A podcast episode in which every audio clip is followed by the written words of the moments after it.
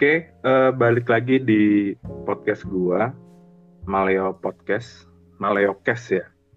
Ini dari kemarin salah mulu.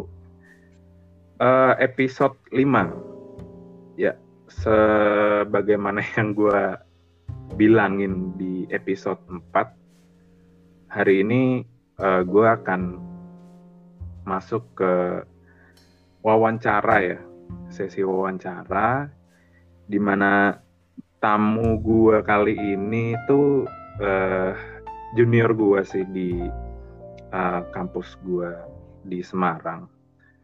Jadi dia ini anak dari luar Pulau Jawa ya, asli dari pulau di tengah Indonesia. Kita nyebutnya mungkin secara internasional Pulau Borneo seperti itu.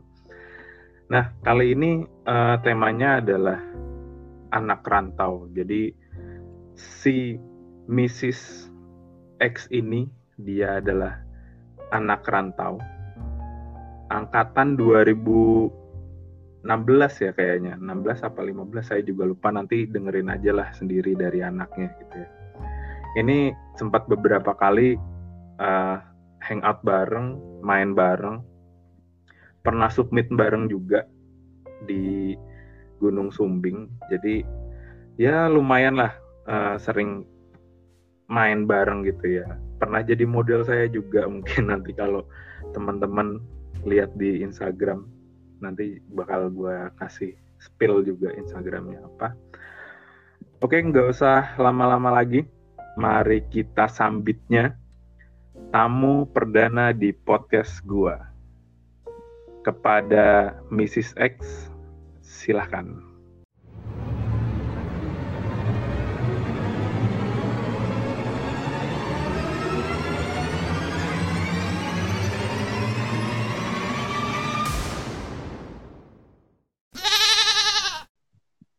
Halo Mas Raka.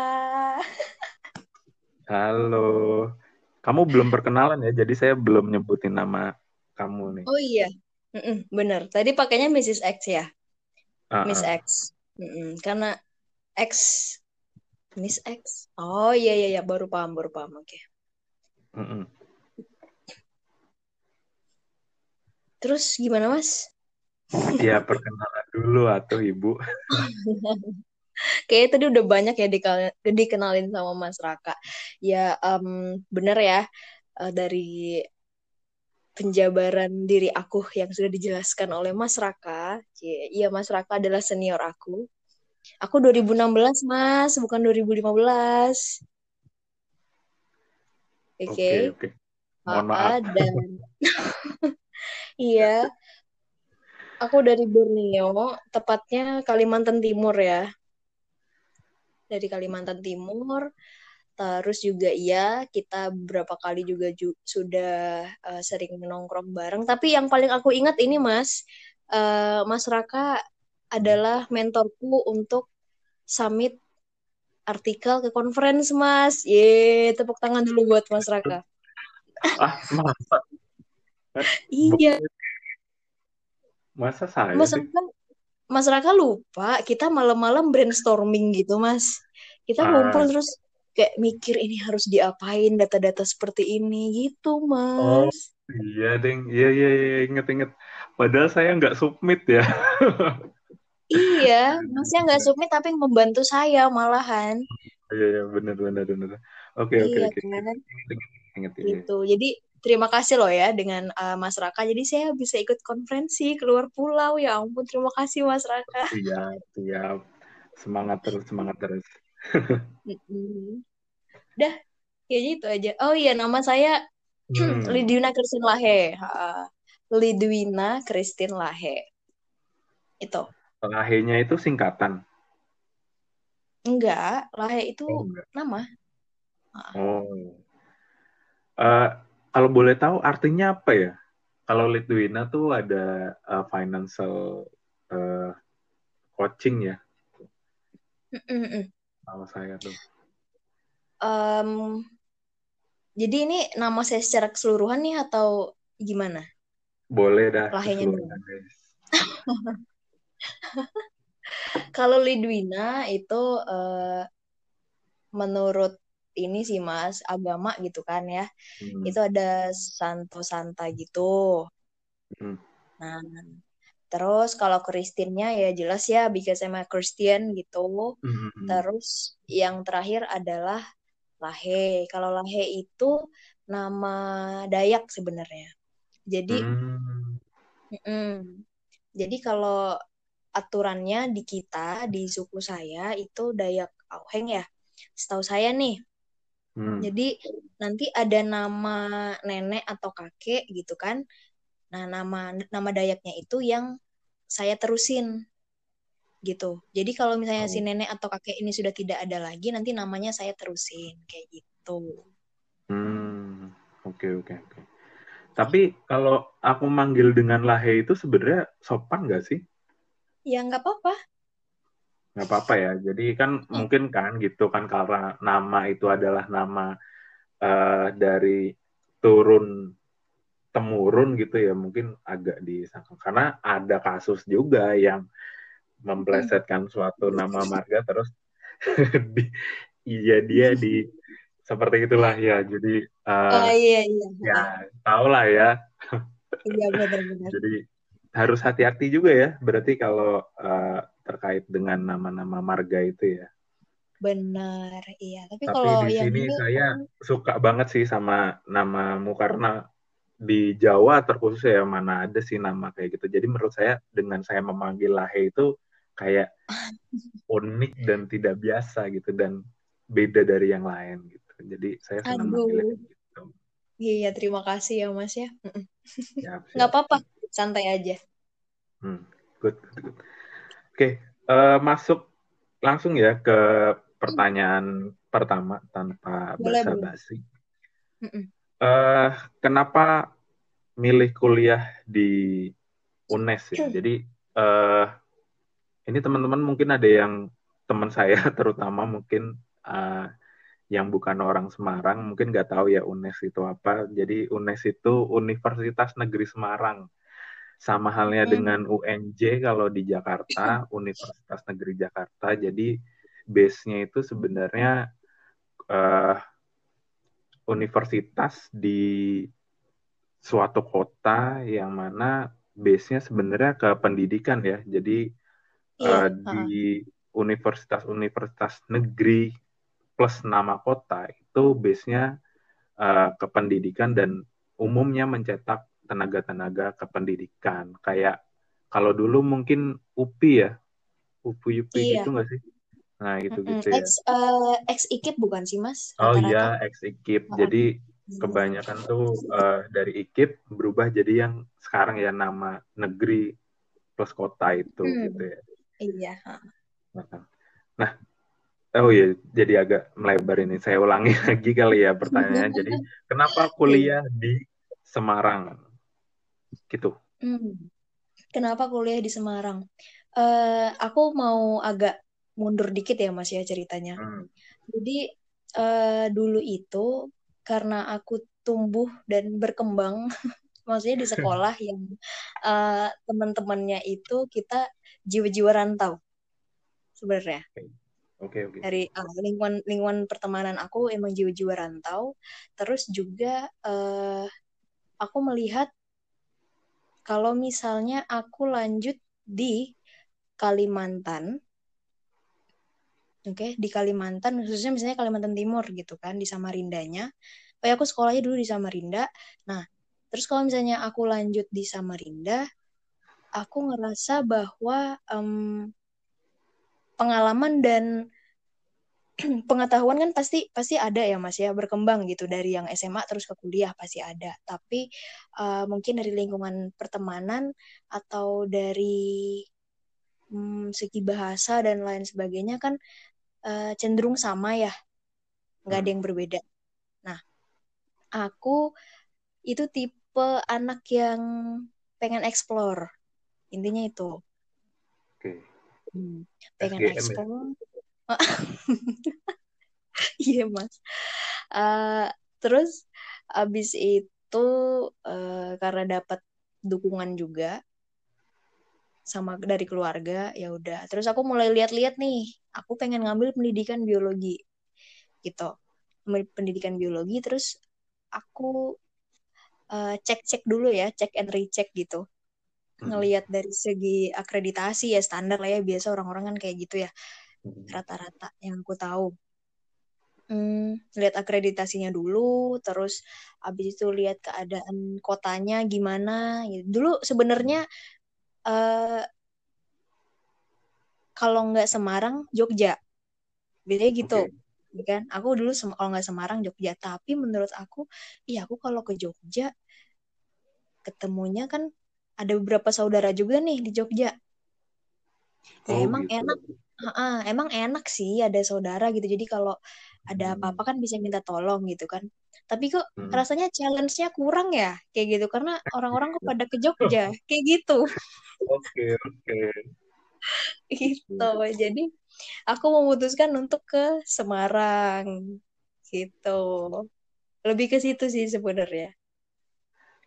Uh, jadi kalau ini kan kebanyakan orang ya sebenarnya malah kebalikan dalam artian mereka nyari yang ada saudaranya untuk bisa iya. uh, kuliah di tempat itu gitu kan. Nah, tapi ini uh -uh. Anda berbeda malahan kebaliknya gitu, nyari yang tidak ada orang, tidak ada saudara maksudnya ya. Uh -uh. Tidak ada saudara di kota uh, yang antah berantah ya. Anda nggak uh -uh. pernah ke sama sekali, bukan sebelumnya? Sebelum kuliah. Nggak pernah. Kenapa, Mas? Ya sebelum kuliah ini belum pernah ke Semarang sama sekali kan berarti? Belum pernah. Nggak tahu nah, sama sekali Semarang gimana okay. bentukannya. antah negeri antara antah berantah bener ya. Bener. Uh, sebenarnya kenapa nggak ada mau saudara apa ini kaitannya dengan tidak ada yang mengawasi kah? Selain challenge itu? Enggak. uh, gimana ya? Nanti kan kalau misalnya ditanya ih kamu uh, apa ya? Kamu di mana uh, kamu kemarin kuliah di mana? Di Jogja. Oh bareng ini ini ini ya? Oh iya gitu. Hmm. kayak oh kita sama nih tapi oh di Jogja begini kan? Iya begini begini.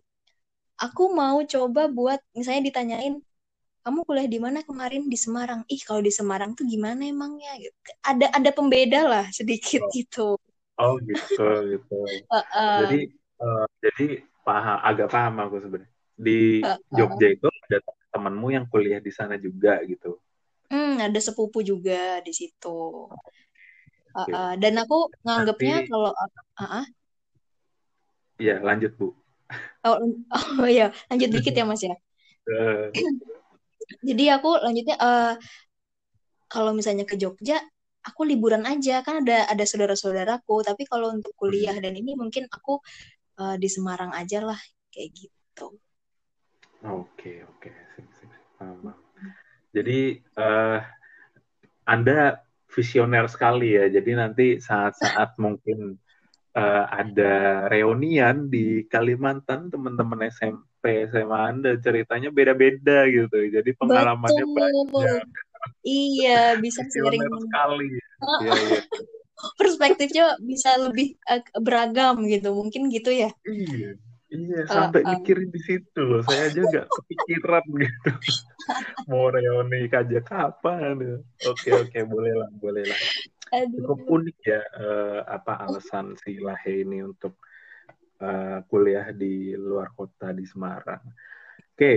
uh, jadi um, yang saya tangkap anda orang orangnya challenging ya uh, penuh tantangan dan pasti ada sisi positifnya sih kalau menurut saya akan mm-hmm. ada uh, rasa kemandirian yang lebih gitu ya di di pada mm-hmm. diri anda dengan tidak uh, bergantung pada saudara gitu ya boleh boleh bagus bagus oke okay. mm. uh, lanjut ke pertanyaan kedua ya mbak Lahe iya mm-hmm. persiapannya apa aja nih uh, sebelum merantau ke Semarang dan mungkin boleh cerita sedikit ya uh, proses keterimanya Anda di UNES itu kayak gimana gitu. Ini pertanyaan nyelip nggak apa-apa ya. Monggo, Mbak. Persiapan ya, Mas ya. Hmm. persiapan yang pertama uh, untuk kuliah ke Semarang selain dari finansial, hmm. mental juga iya, terus juga menghubungi kembali teman-teman aku yang ada di Semarang. menghubungi kembali Karena, teman anda yang ada di Semarang, gimana tuh? Iya, kebetulan teman ada emang ada beberapa teman aku uh, yang ku lanjut di Semarang, cuman di universitas tetangga, Mas. Oke. Yang ada uh, di Bukit Kencana Jaya itulah ya. Iya, yang sama-sama di gunung lah pokoknya gitu. Oke, iya iya iya. Terus uh, ya itu nanya-nanya uh, apa nanya-nanya dulu karena aku kan nggak ngerti sama sekali nih kota hmm. Semarang gimana. Terus aku hmm. tanyain lah, aku mau lanjut ke sana nih gimana? Menurut pandangan kalian gimana gitu. Terus berkas-berkas juga dan lain hal ya. Hmm. Dan aku kan kebetulan masuk ke UNES itu jalur mandiri ya Mas ya? Oh, oke. Okay. Uh -uh. Jalur mandiri terus ujian tulisnya harus ke Semarang gitu. Hmm. Iya, iya, iya. Nah, itu tul um, ikut ujian tulis ke Semarang, itu pun aku uh, menghubungi temanku yang di luar kota Semarang, tapi cukup dekat, sekitar 45 menit gitu kalau dari univ kita eh dari daerah uh, UNES 45 sampai satu jam aku hubungin terus uh, dia bersedia untuk menemani aku tes jadi hmm. aku datang ke tempat dia dulu gitu siap siap ikut uh, ikut tes baru abis itu uh, nunggu pengumumannya itu aku numpang ke saudaraku yang ke, di Jogja dulu hmm. gitu Oke. Okay, Jadi di sana baru nungguin pengumuman. Hmm. Udah keterima terus langsung siap-siap ya udah langsung sekalian gitu. Oke. Okay. Uh, eh, ini alasan milih mandiri apa challenging juga atau ada yang lain? ada yang lain tentunya. Oh ya ya ya. Ya gimana tuh gimana tuh Mbak diceritain sedikit mungkin. Iya, uh, dulu ada ini ya Hmm, zaman aku itu namanya SBM. Kalau zaman Mas masih SBM nggak sih namanya? SBM ya, Ya, kita beda ber berapa tahun sampai kita beda banget. ada, ada. Siapa ada. tahu, iya, siapa ya, tahu ya kan. Uh. Nah, untuk SBM tuh sebenarnya aku uh, keterimanya awal uh, itu di tempat aku daerah asal oh. di Samarinda. Hmm, sudah di sana. Tapi kan kembali lagi aku merasa aduh aku geli-geli gimana gitu kalau lanjut di sana lagi gitu kan. Oke okay. nggak challenging gitu ya. Uh, kurang menggelitik gitu. Hmm. terus um, yang tersisa setelah itu kan berarti univ uh, apa seleksi yang tersisa kan berarti setelah itu seleksi mandiri ya? Uh, SNMPTN apa tuh? Ah SNMPTN oh kalau SNM kan itu sebelum SBM ya? Uh -uh. Nah, itu kebetulan uh, formatnya nilai aku itu masih KTSP, sedangkan pas aku lulus ternyata format yang dipakai 2013. Jadi uh, nilainya beda, Mas. Berarti nggak bisa dipakai nilaimu? Nggak bisa. Oh. Iya, kebetulan sama beberapa teman aku juga kasusnya kayak gitu. Jadi kita hmm. emang nggak ikut SNM. Okay. Terus SBM terus sudah keterima tapi masih tergelitik lalu hmm. baru deh lanjut mencari yang mandiri-mandiri gitu. Karena sisanya kan uh, ujian tulis mandiri di univ mana univ mana gitu. Jadi ada UNES ya udah coba ke UNES. Berarti gitu. tidak ada yang menyarankan untuk milih UNES gitu? Nggak ada mas. Kalau boleh jujur sih ini uh, aku ngelihat UNES itu masih buka pendaftarannya itu di timelinenya lain. Wow. Eh, Masuk lain. Itu. Iya. Oke, oke.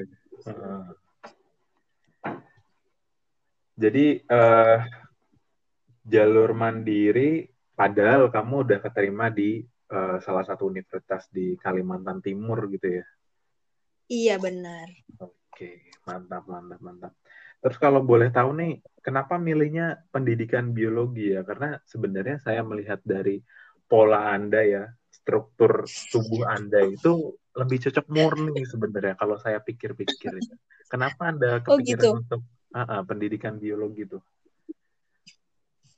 Em, awalnya dulu saya mikirnya gini mas, Em, daerah aku itu kan eh, masih baru berkembang ya, karena Hmm. Kabupaten Pemekaran, ya kan? Nah, Hmm. terus aku aku lihat nih, kira-kira apa sih kalau misalnya aku balik nih, aku mau mengabdi gitu buat daerah aku di Hmm. sana. Apa sih yang paling dibutuhin di sana gitu. Terus juga pengalaman aku sendiri yang eh kita lebih ke guru dulu ya Mas ya, lebih ke Oke. pendidikannya dulu kali ya. Hmm. Jadi menurut aku dari aku SD sampai aku sekarang gitu banyak nilai-nilai itu yang aku dapat itu dari guruku, guru-guru dari Ya, SD. emang guru ngasih nilai kan tugasnya apa Iya, gimana? nilai em, cara pikir dan Oh. lebih ke sana sih Mas, memberikan perspektif oke. dan lain sebagainya. Itu yang membuat aku ngerasa wah, sumbangsih guru nih ternyata bisa sebegitu impactful ya ke anak-anak gitu. Oh, mantap. Dulu lanjut. iya aku mik- mikirnya gitu. Terus eh, siapa tahu nih, siapa tahu aku juga bisa membantu anak-anak nantinya buat eh, menemukan apa sih yang mereka pengen gitu. Mungkin gitu. Hmm. Dengan cara aku ketemu mereka di kelas atau di mana begitu sih. Terus eh, kenapa biologi? Karena dulu aku tertarik banget sama biologi. Hmm. Gara-gara guru aku. Guru aku kalau ngasih pertanyaan bagus gitu. Membuat aku Contohnya, tertarik. contohnya. Misalnya gini. eh lebih ke kontekstual gitu loh Mas kalau ngasih pertanyaan. Misalnya eh nih kamu sakit mah nih gitu. Kalau kamu sakit mah berarti makanan apa aja sih yang nggak boleh kamu hindarin kayak gitu. Apa Makanan sih apa penyebab aja yang nggak boleh kamu hindarin? Berarti harus dimakan. makan ah ah, makanan apa aja maaf maaf makanan apa aja sih yang misalnya kamu harus hindarin kayak Oh, gitu. oke, oke. Lebih ke sana sih. Terus kenapa makanan itu berpotensi untuk menyebabkan mah? Lebih ke gitu pertanyaannya. Hmm. Dan aku suka sekali. Ha-ha. Ya, ya, ya. Paham, paham, paham. Kurang, kurang lebihnya sebenarnya sama dengan saya yang memilih biologi karena pelajaran biologi itu adalah pelajaran yang kita bisa lihat di sekeliling even dengan berkaca pada tubuh kita sendiri itu ya. Jadi Mm-mm, benar. dipahami sebenarnya gampang, tapi karena orang mikirnya adalah konsep menghafal bukan uh, memahami, jadi agak susah gitu. Itu sih kalau Iya benar. pandangan Mas. kita anak biologi mungkin seperti itu ya Iya rata-rata. Ha-ha. kalau. Mm-mm. Oke oke oke Eh, cukup jelas tadi eh, alasan eh, ah, apa milih biologi dan kenapa pendidikan ya. Mulia sekali eh, apa alasan Anda itu ya ingin mengembangkan daerah Anda. Mungkin teman-teman yang lain juga harus dipikirin nih apa sih itu kan daerah kalian ketika memutuskan untuk merantau. Jangan sampai pulang-pulang itu cuman jadi istri orang, aduh. Tapi kan itu Hmm, gimana? Ah. gimana? Iya, iya, tapi itu kan balik ke pilihan ya, pilihan Hmm. masing-masing lagi maunya gimana. Terus juga tujuan hidupnya mau jadi apa juga kan eh, tergantung ya Mas ya, tergantung situasi dan Hmm. kondisi aja sih. Kayak iya. gitu. Iya, tapi menurut saya sih juara banget sih kalau uh, Anda, Anda teman-teman semua ya punya pemikiran semacam itu gitu. Karena uh, kalau saya memandangnya adalah Indonesia sudah memberikan kamu ini apa yang kamu bisa jadikan timbal balik untuk Indonesia gitu kan. Sebelum untuk Hmm. memikirkan diri sendiri tuh saya sebenarnya lebih senang untuk uh, konsep balas budi terhadap tanah air tercinta kita gitu sih itu pandangan saya gitu. Iya. Oke, jadi Tapi uh, saat ini masih bisa gimana? nih mikir gini, Mas. Hah? Hmm. Gimana gimana? Tapi ini kan saat ini nih situasi hmm. begini, aku masih bisa mikir kayak gini. Nggak tahu nanti di lapangan realitanya gimana ya nanti kita follow up aja lagi ya. gitu. yang penting kan sudah niat gitu ya. Saya sih berharap iya, yang penting niat. melanjutkan idealisme ada ini. Tapi saya sama kok balik lagi ketika dihadapkan dengan realita dibenturkan dengan berbagai macam pemikiran dewasa itu agak sulit mempertahankan mm. uh, idealis. Benar. Tapi iya, tetap benar. Uh, saya saya tetap percaya bahwa harus ada nilai-nilai idealis yang tetap anda tanamkan gitu karena dengan idealis mm. itu kalau menurut saya pola-pola pikir baru yang lebih kekinian dan lebih modern, lebih maju itu akan bisa terbentuk gitu ya. Saya doain mudah-mudahan kita semua bisa mempertahankan idealis kita sampai tua nanti. Gitu ya. Amin. Oke, lanjut ke pertanyaan selanjutnya ya Mbak Lahe. Ini kan iya. setelah uh, Anda diterima gitu, awal-awal tuh rasanya gimana sih uh, jadi anak rantau itu? Kalau teman-teman saya kan ada yang rumahnya di sebelah kota Semarang mungkin itu setiap minggu dia pulang ya ada yang seperti itu saya ngelihatnya aja capek gitu nggak mungkin pulang ya tapi perasaan anda itu pertama-tama um, tetap di Semarang itu gimana Mbak Ahe? Pertama ya, hmm, mungkin ini ada efeknya karena aku dulu asrama ya Mas. Hmm. Jadi untuk pulang jarang itu udah biasa. Okay. Sebenarnya gitu. Pulang jarang itu biasa, tapi tetap pas datang itu uh, deg-degan ada karena nggak ngerti ini orang ngomong apa, bercandanya bahasanya apa, mereka ketawa, aku nggak ngerti gitu. Oke. Okay, okay. okay? Terus hmm. uh, untuk adaptasi perasaan bingung, tapi kalau aku nggak nanya ya aku makin bingung gitu. Hmm. itu sih bingung tapi juga semangat tapi juga deg-degan. Ya macam-macam sih mas campur aduk gitu. Hmm. dominannya apa nih? Dominannya? Hmm. um, semangat mas. Oke okay, gitu. Terus kalau dilihat dari sisi lain semisal ada sisi uh, makanan kah atau cuaca atau budaya uh, sosial itu gimana tuh pandangan lahir? Nah, mungkin kalau yang pertama uh, di sekitaran kampus kita tercinta ini Mas ya, makanannya hmm. itu termasuk murah. Hmm. Gitu. Terus yeah saya kaget terus oh berarti ini kok harganya ternyata segini ya kalau di Jawa kayak gitu Terus, atau pakai bahan-bahan yang bener nih hmm? kok bisa segini murahnya ya iya uh -uh, karena di sana kan harganya udah beberapa kali lipat gitu ya ya ya paham gitu hmm. uh -uh. terus tapi tapi tergantung sih nyarinya di mana juga nah terus hmm. uh, kalau lebih ke sosial itu itu ada yang aku agak kaget juga sih mas. Hmm. Uh, di lingkungan perkuliahanku ya teman-teman itu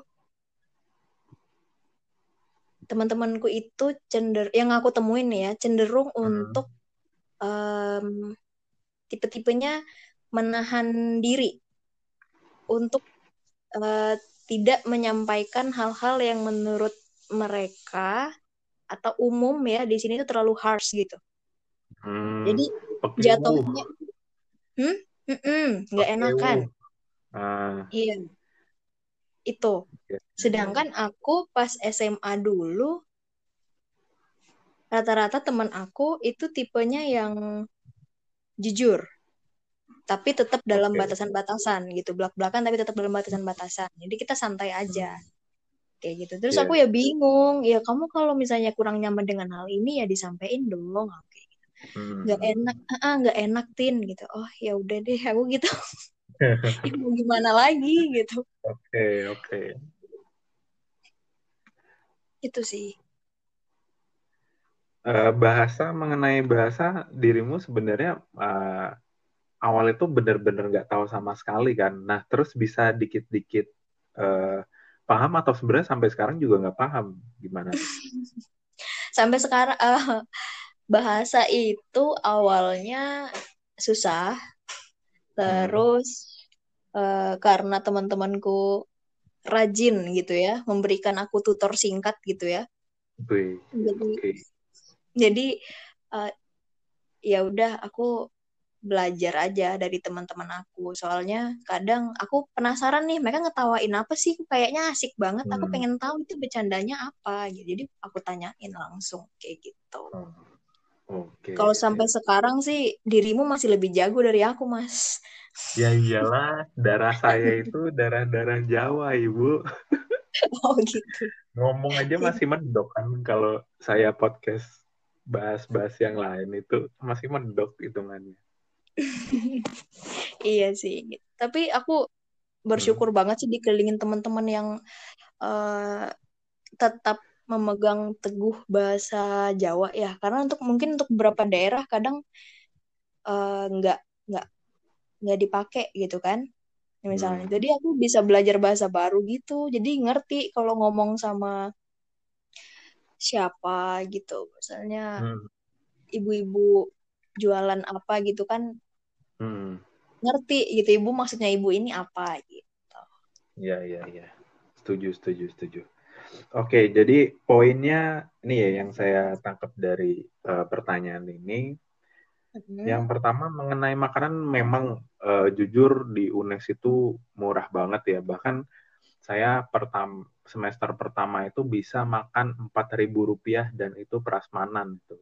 Itu iya. ada di Gang Nakula Sadewa apa-apa ya? Nama tempatnya tuh Punakawan dulu itu. Itu oh, bisa gitu. empat gitu. ribu dulu itu pas awal-awal. Tapi sekarang lama-lama itu sekitar enam ribu ya kalau saya sana terakhir terakhir enam ribu apa tujuh ribu. Cuman iya, udah segitu. uh, gitu. Dan yang kebanyakan makan di sana itu anak-anak Evika yang makannya se aduh kalau diliatin tuh apa ya menggunung gitu loh kalau makan banyak banget gitu tapi luar iya, biasa sih di murah-murah Terus yang kedua uh, pekewu itu ya kalau kamu mungkin di secara sosial dan budaya itu emang orang Jawa itu orangnya kan lebih ke halus, sopan mm-hmm, dan nggak iya. enakan iya. gitu pekewu uh-huh. ya. Jadi memang sebenarnya ya itu orang Jawa tuh memang kebanyakan kayak gitu gitu loh. Mm-hmm. Kecuali untuk mungkin saya ya, saya karena besar di Jakarta banyak nemu teman-teman dari macam-macam daerah juga agak nyablak gitu, agak frontal gitu. Jadi iya benar. Tahu-tahu di grup kok ini orang nggak pernah muncul lagi. Oh ternyata Ra kamu ngomongnya kayaknya terlalu berlebihan gitu. Oh iya. Oh. Maaf. Iya jadi pernah jadi ada memang, kejadian ya? Iya. Uh, ya wajar lah kalau menurut saya karena uh -uh. kita beda, beda budaya beda sosial juga kan jadi memang Benar. Saya uh, kita sebagai tamu gitu ya memang harus uh, belajar tentang budaya mereka, kebiasaan hmm. mereka mm. dan mengaplikasikan apa yang baik untuk mereka gitu loh. Jadi Betul, ya itulah kita ya. akan tamu gitu ya. Sama yang terakhir mengenai bahasa daerah itu setuju banget. Saya pas ke Semarang nggak pernah ngomong lu gua lu gua kecuali dengan orang-orang yang sama-sama dari Jakarta. Itu udah paten hmm. banget karena apa? Karena mm -hmm. ketika kita membawa bahasa kita dari Jakarta ke Semarang dan mungkin orang Semarang itu banyak yang melihat, wah ini bahasa gaul dan segala macam ya. Padahal buat buat padahal saya tuh sangat-sangat tidak setuju dengan semacam itu. Biarlah yang ada di Benar. daerah tetap iya. ada di sana gitu loh, tetap menjadi uh, heritage sana gitu kan. Iya, macam-macam ya mendingan uh, dipakai ke daerah kita lagi gitu maksudnya dengan orang-orang yang sama dengan daerah kita gitu jadi tidak tidak bikin orang di sana tuh uh, kebudayaannya memudar gitu kan mm-hmm. contoh yang sangat nyata ketika kamu ke sebelah, ke kampus hmm. sebelah di sana sudah seperti Jakarta kalau menurut saya. Jadi oh, nggak oh, gitu. ada kurang kurang berasa gitu ke, ke apa kekhasan budayanya dan uh, lingkungannya akan jadi berbeda gitu karena ketika kamu ke kampus sebelah itu hampir mm -hmm. kayak Jakarta omongannya lu gua dan segala macem karena Ih, bener banget yang dari kampus sebelah itu kebanyakan juga orang Jakarta kalau saya lihat ya orang-orang uh -huh. kota itu banyak ke sana dan oke okay, saya cukup nyaman di UNES dengan segala macam kelebihan dan kekurangannya ya karena itu salah satunya budayanya di sana tetap terjaga gitu. Setuju? Iya. Setuju. Mm -mm. Iya. Jadi uh, jadi kita benar-benar kayak uh, bertukar budaya gitu loh jadinya, mempelajari budaya baru gitu kan. Iya, benar-benar benar banget. Uh -uh. Oke, sekarang lanjut ke pertanyaan selanjutnya. Uh, hmm. Pengalaman jadi rantower ya, saya mungkin istilah perantau. perantau. Pengalamannya jadi perantau itu gimana? Maksudnya ini yang berkaitan dengan kampung halaman ya tentunya. Apa yang pengalaman yang paling menurut Rahe itu jadi rantauer, eh rantauer, jadi perantau tuh gini banget sih gitu. Apa yang bikin greget? uh, yang paling greget ya. Bentar, aku mikir mas. Hmm. Jangan lama-lama ya durasi. Iya iya durasi ya mas ya. Jadi perantau itu yang paling greget adalah saat kalau di pengalamanku itu hmm. saat aku bisa ketemu orang-orang yang uh, care dan malah nganggap aku kayak hmm. saudara sendiri. Oke. Okay. Gitu. Wah ternyata bisa ya kayak gini. Asalkan akunya juga um, approach ke mereka juga dan membentuk hubungan dan komunikasi yang baik kayak gitu. Ternyata aku cukup diterima ya begitu. Itu uh, sih. Bisa spesifik ke contohnya nggak kira-kira? Hmm. Misalnya gini, uh, aku ada temen nih, uh, dia anak kimia gitu kan, sebut saja dia B gitu. Hmm, si B. Sebut saja dia B. Hmm, si B. Si B ini orang Semarang asli mas, hmm. gitu.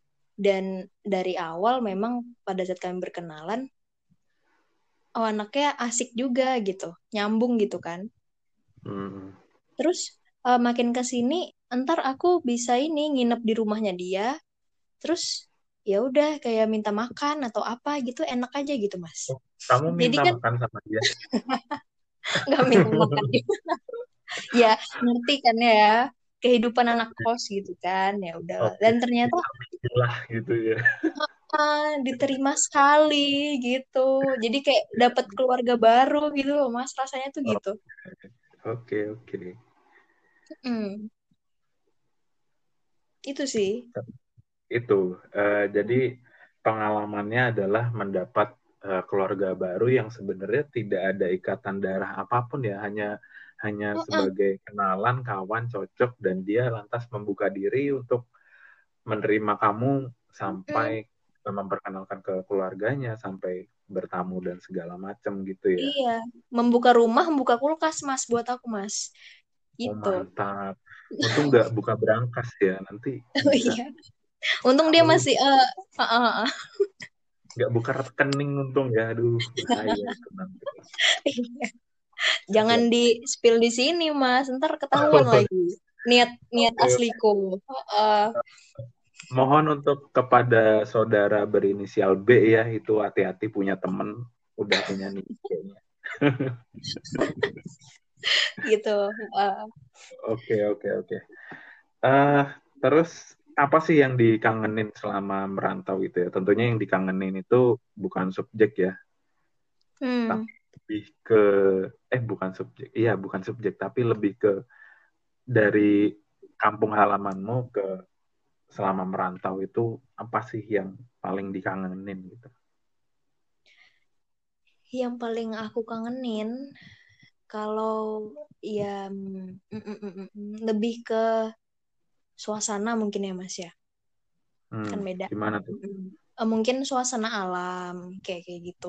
Terus karena aku dari daerah anak daerah gitu kan, Hmm. lebih eh, dan tumbuh dan berkembang juga dulu itu ya seringnya ke alam kayak gitu. Makanya Hmm.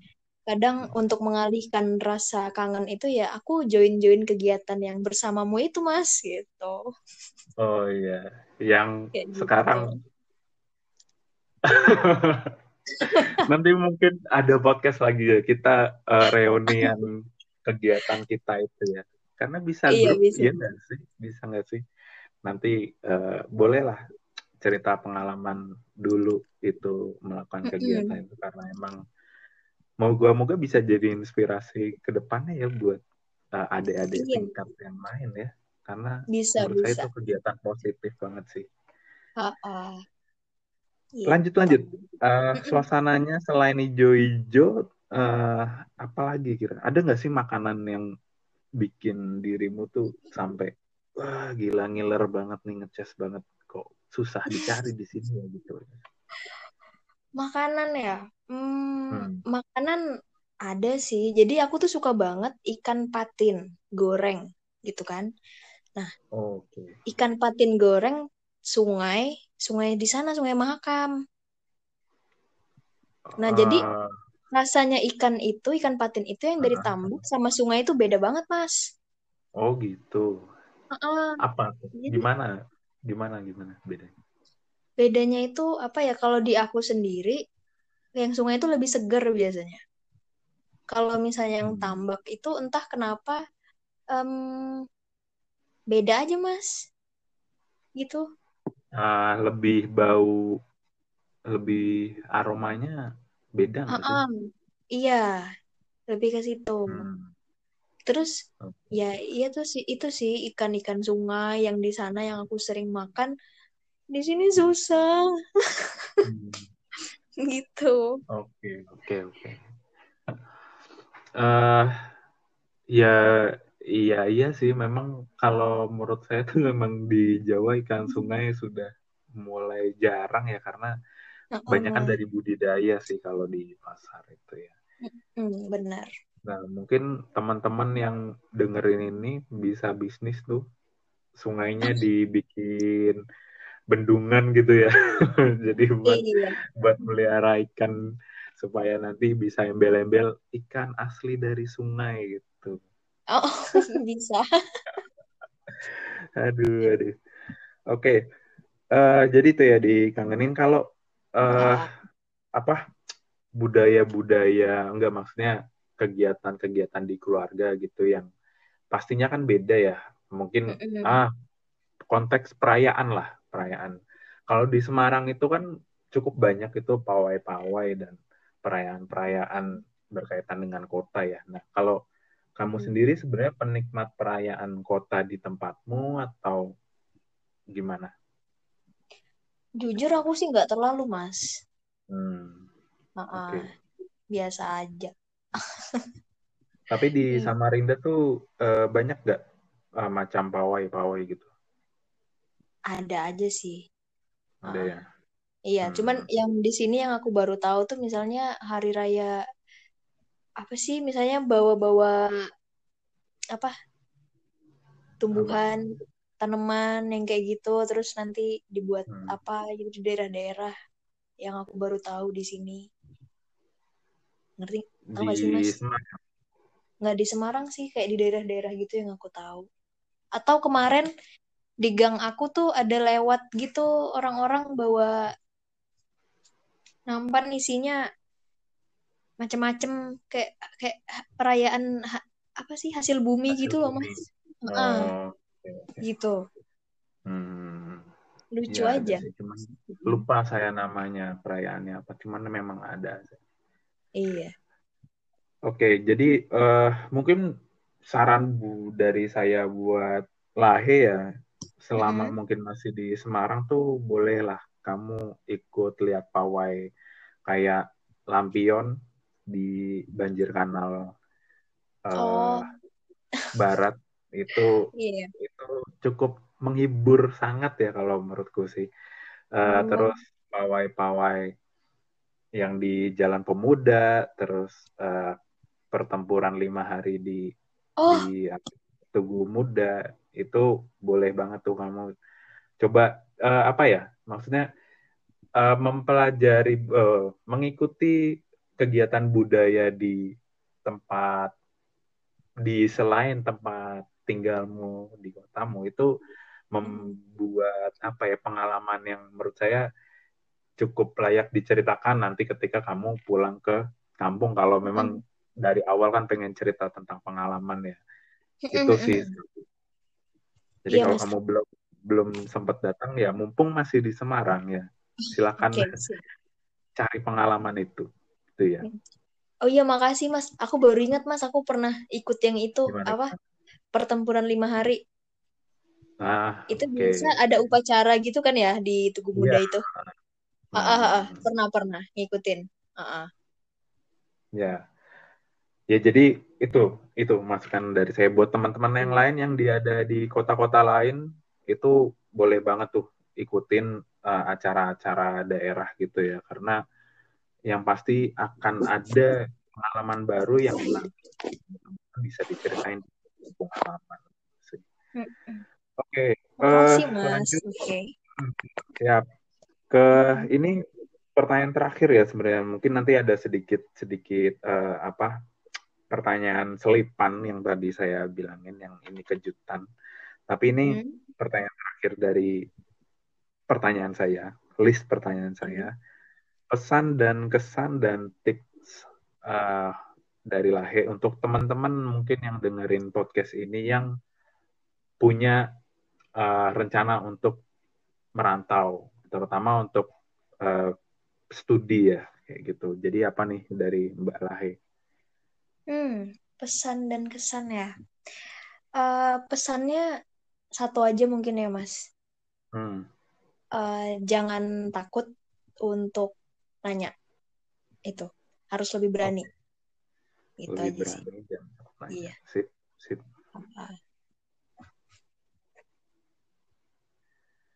Itu udah sekaligus sama tips berarti pesan dan tipsnya tuh. Atau ada lagi? Ya, itu udah mencakup semua sih kayaknya Mas. Berani, Oke. terus eh, jangan jangan takut untuk tanya, jangan takut untuk eh, nyoba hal baru dalam konteks positif ya, artian positif. Hmm. Gitu terus ya ingat-ingat aja lah kalau udah mulai agak-agak hmm, energinya udah uh, menurun gitu terus semangatnya mulai uh, dikit-dikit goyang gitu kan ingat kalau misalnya ini cara aku loh buat ngetes buat nge-challenge diri aku sendiri gitu sebenarnya kapasitas Hmm. aku sampai mana sih kayak gitu sih Oh. mas Siap, siap, siap. Jadi eh, pada intinya saya menangkap dari Mbak Lahi ini berani gitu ya. Jadi Mm-mm. dengan kamu embrace yours- yourself gitu, dengan kamu memberanikan diri, sebenarnya Mm. kalau pribadi itu membuka seluruh pintu ketidaktahuan. Maksudnya gini, keraguan lu, ketidaktahuan lu, terus perasaan yang membingungkan gitu ya kayak aduh gimana nih? Aduh gimana? Itu akan eh, terbuka semua akan jelas semua dan itu sebenarnya poin yang memang harus ditanamkan kepada seluruh eh, orang kalau menurut saya ya. jadi berani dan jangan malu bertanya ketika lu tuh merasa bener nih maksudnya dalam sisi positif ya bukan berarti berani begal orang karena butuh duit bukan ya. Jadi enggak enggak. Baik gitu ya jadi Iya benar. Karena kadang limit itu yang buat kita sendiri gitu menurut aku. ya ya ya ya Uh-uh. benar-benar oke jadi eh, itu kalau saya rangkum semua ya dari eh, pembicaraan kita dengan Mbak Lahe ini. Jadi Mbak Lahe ini asalnya dari Kalimantan Timur ya dia eh, backgroundnya dari Kabupaten Pemekaran yang masih Mm-mm. Makam Ulu iya. masih bisa gitu ya dan aku UNES itu sebenarnya alasannya uh, tadi melihat ya pada umumnya ya melihat passing grade dan segala macam dan Semarang dipilih karena tidak ada saudara. Jadi dia mau men-challenge dirinya sendiri apakah dia yeah. survive di negeri orang yang antah berantah yang dia tidak pernah ke sana dan itu hmm. membuat kamu merasa apa sebenarnya ya kalau saya sih juga suka men-challenge ya akan nanti akan bahagia sebenarnya ujung-ujungnya bahwa kamu hmm. sudah kita melewati step ini tantangan ini dan itu memang Benar. bagi pengembangan diri sih itu self developmentnya memang dicari itu uh, hidup yeah, yeah. dengan challenge itu itu improve diri sendiri dan bisa bikin kita bahagia dengan hasilnya seperti itu. Dan kemudian untuk uh, yang harus dipersiapkan ya tadi uh, literasi ya maksudnya tanya-tanya hmm. atau membaca tentang kota tujuan atau universitas tujuan. Kemudian Betul. kalau uh, pengalamannya yang dicari itu sebenarnya banyak dan lu bisa me, apa ya mengambil sebanyak-banyaknya kayak tadi punya kenalan baru, uh, budaya baru, terus uh, keluarga baru bahkan ya yang tadi lah ya bilang teman yang deket banget dan ada di luar kota sehingga menurut gue ini penting banget buat kalian.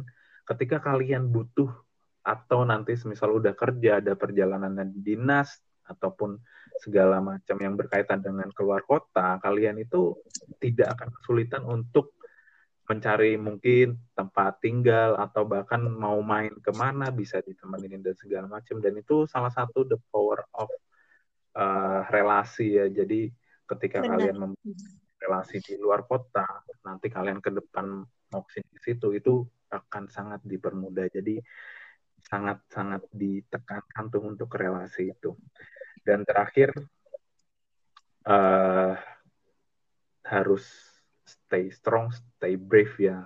Dan kalian Betul. harus berani dalam uh, mengambil segala keputusan dan jangan malu bertanya. Gitu.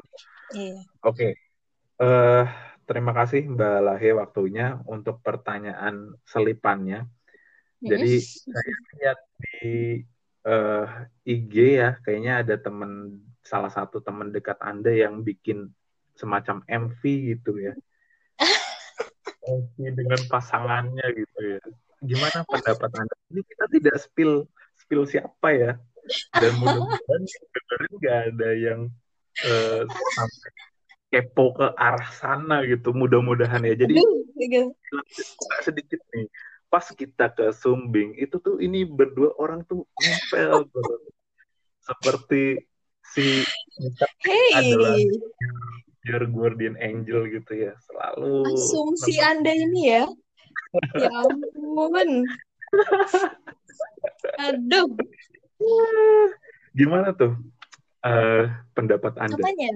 Hmm, ya bagus. MV-nya bagus kok. Kan hmm, dia mempromosikan ya. uh, usaha temennya ya? Gitu. Ya saya sih nggak tahu sih. Saya cuma lihat dong dan Aduh, dibawa-bawa lagi. Aduh. Oh, jadi Enggak itu sih. salah satu dari promosi temennya ya punya usaha videografer iya. berarti. Mm -mm, hmm. Kayaknya temannya punya usaha terus dia dan um, pasangannya saat ini itu diminta untuk menjadi model kayak gitu. Hmm, oke oke sih. Bagus-bagus aja sih. Ya, ya. Udah ya, ya, itu aja ya. Nanya nggak usah aneh-aneh ya. Gak usah. Oke, oke, oke. Jadi ya kita doakan yang terbaik lah. Ya, semoga iya. semuanya lah kita semua itu dalam keadaan yang baik-baik saja. Amin. Oke, mungkin itu aja pertanyaan selipannya. Moga-moga menjadi penghibur di malam ini ya. Iya. Aku juga makasih loh Mas sudah diajakin podcastan bareng gini. Oh I'm iya. Honored. Yeah, mm-hmm. I'm honored. Iya, iya, iya. Sama ini juga buat teman-teman semua si Mbak Lahe ini punya podcast ya. Apa podcastnya tuh? Aduh, podcastnya Mas belum terkonsep dengan rapi seperti Mas oh. Raka. Oh. Aduh. Oke, oke. Nanti aja. Nanti mungkin kalau udah siap, ya kalau udah siap, udah rapi, saya bisa ya diundang di podcast Anda ya ngobrol-ngobrol. Boleh, boleh. Kan rencananya gitu ya, Mas ya.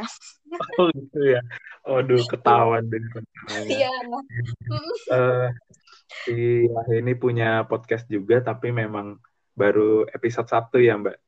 Iya, kemarin baru episode 1. Mudah-mudahan eh, sama-sama lah kita semoga podcastnya Mbak juga eh, bisa diperbaiki dan harus apa ya dengan eh, dirimu bikin podcast, aku bikin podcast, kita sama-sama bisa saling support supaya Iya, jadi siap. bagus gitu ya. Mm-mm. Benar banget. Oke, eh, Mbak Lahe, terima kasih atas eh, waktunya ya. Mohon maaf nih malam-malam ganggu. Ya, Hmm, nggak apa-apa, santai aja. stay safe, eh, stay healthy di Semarang. Oke. Eh, semoga kuliahnya lancar dan diberikan Amin. kemudahan dalam menyelesaikan studinya. Iya. Oke. Oke, eh, buat Juga. semua jangan lupa eh, nanti ditunggu ya di pasti akan saya kasih share link podcastnya Lahe nanti ya kapan-kapan kalau dia ready gitu ya. Pesan Iya. terakhir, pesan terakhir lagi kayak mau apa aja. Eh, pesan buat teman-teman yang lain ada nggak Mbak Lahe di Nggak ada sih. Kayaknya udah itu aja.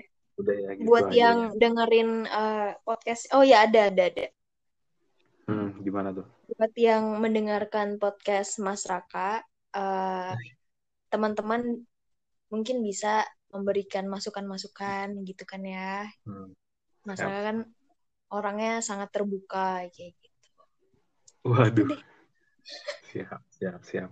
Gitu. Oke, Mbak Lahe, eh, thank you sekali lagi nih. Mohon maaf kalau tadi ada pertanyaan-pertanyaan yang tidak terduga ya.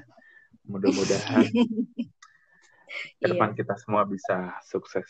Stay healthy, Amin. tetap Mm-mm. semangat. Bye. Bye.